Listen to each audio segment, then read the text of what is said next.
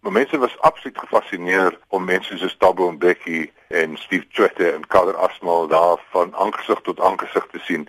Die regering van president Abdou Diouf van Senegal het ons soos koninklikes behandel. Hy het ons in die waar gesê die nuwe voortrekkers genoem. Ek het so half gewonder, hy moes gesê die nuwe dwarstrekkers. Want voortrekkers was ons nie. So dit was 'n wonderlike tyd in terme van ervaring. Ons het die hele Dakar besoek. Ons is na die Gorée eiland toe, die slawe eiland. Daar gaan kyk na die ou slawehuise. Ons is daarvan af toe na Ghana toe waar ons president Jerry Rawlings ontmoet het. Daarvan af is ons na Ouagadougou toe in Burkina Faso waar ons die beroemde president Thomas Sankara ontmoet het. Dit was 'n absolute heerlike ervaring en ek dink die essensie van die ervaring was die aande wat ons met die ANC ouens gesit het en geargumenteer het wat by die huis aangaan. Hulle honger om te weet wat hier aangaan en ons honger om te weet hoe werk hulle koppe. Dit is my baie baie interessant om te sien hoe uh, mense wat dieselfde land deel mekaar ontmoet in 'n Franssprekende land en dan skielik ons gesamentlike Suid-Afrikaanse wortels ontdek. Want ons is in 'n land waar niemand ons verstaan nie en ons verstaan hulle ook nie. En skielik kom ons agter maar ons is almal Suid-Afrikaners. Oor 'n paar doppe het dit uh, het ons ver gekom daarmee. Was jy verbaas oor die trant van die gesprekke? Ek dink ons almal was verbaas hoe glad ons met mekaar kon gesels, hoe min aggressie daar was.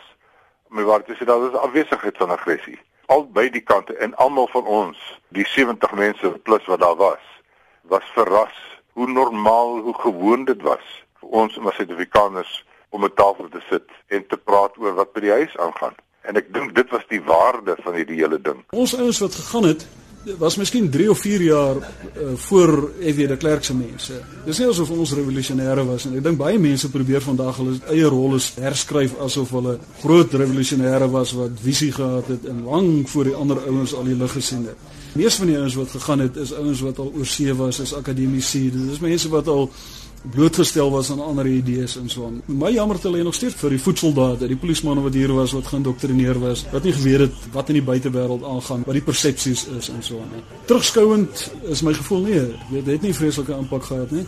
Die impak wat dit wel gehad het was om persepsies te verander. Ons het teruggekom en almal kon sien dis nie 'n buitengewone daad hierdie nie. Dit is nie iets vreemds nie. Dis hoe dit moet wees. Politieke groeperinge van alle kante kan maklik by mekaar sit. En ons het dit toe gesien na 1990 by Kodesa, hoe mense vriende gemaak het van die konservatiewe party na die SAKP. Mense het vriende gemaak en gemeenskaplikhede begin bespreek en dan beginsels eh, neergelê en verskille uitgestryk en dit is hoe ons by ons grondwet uitgekom het.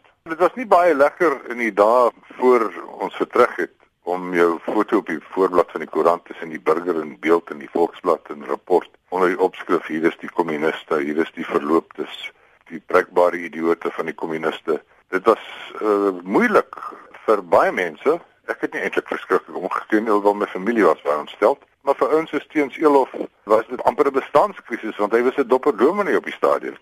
En die volgende dag toe sy name natuurlik gepubliseer, toe is my naam ook daar.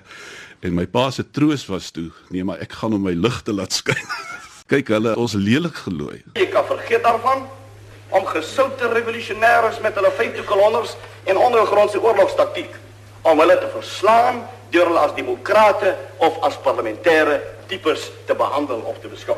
Ons moes soos kelms die land binne sluip omdat daai Takar Eugene Terblanche in sy trawante het gestaan en betoog by Jan Spitz lughawe en daar was nie 'n manier hoe ons in die aankomsaal sou kon in. So dit was dit was vernederend geweest dat ons so skelms in die land moes insluip.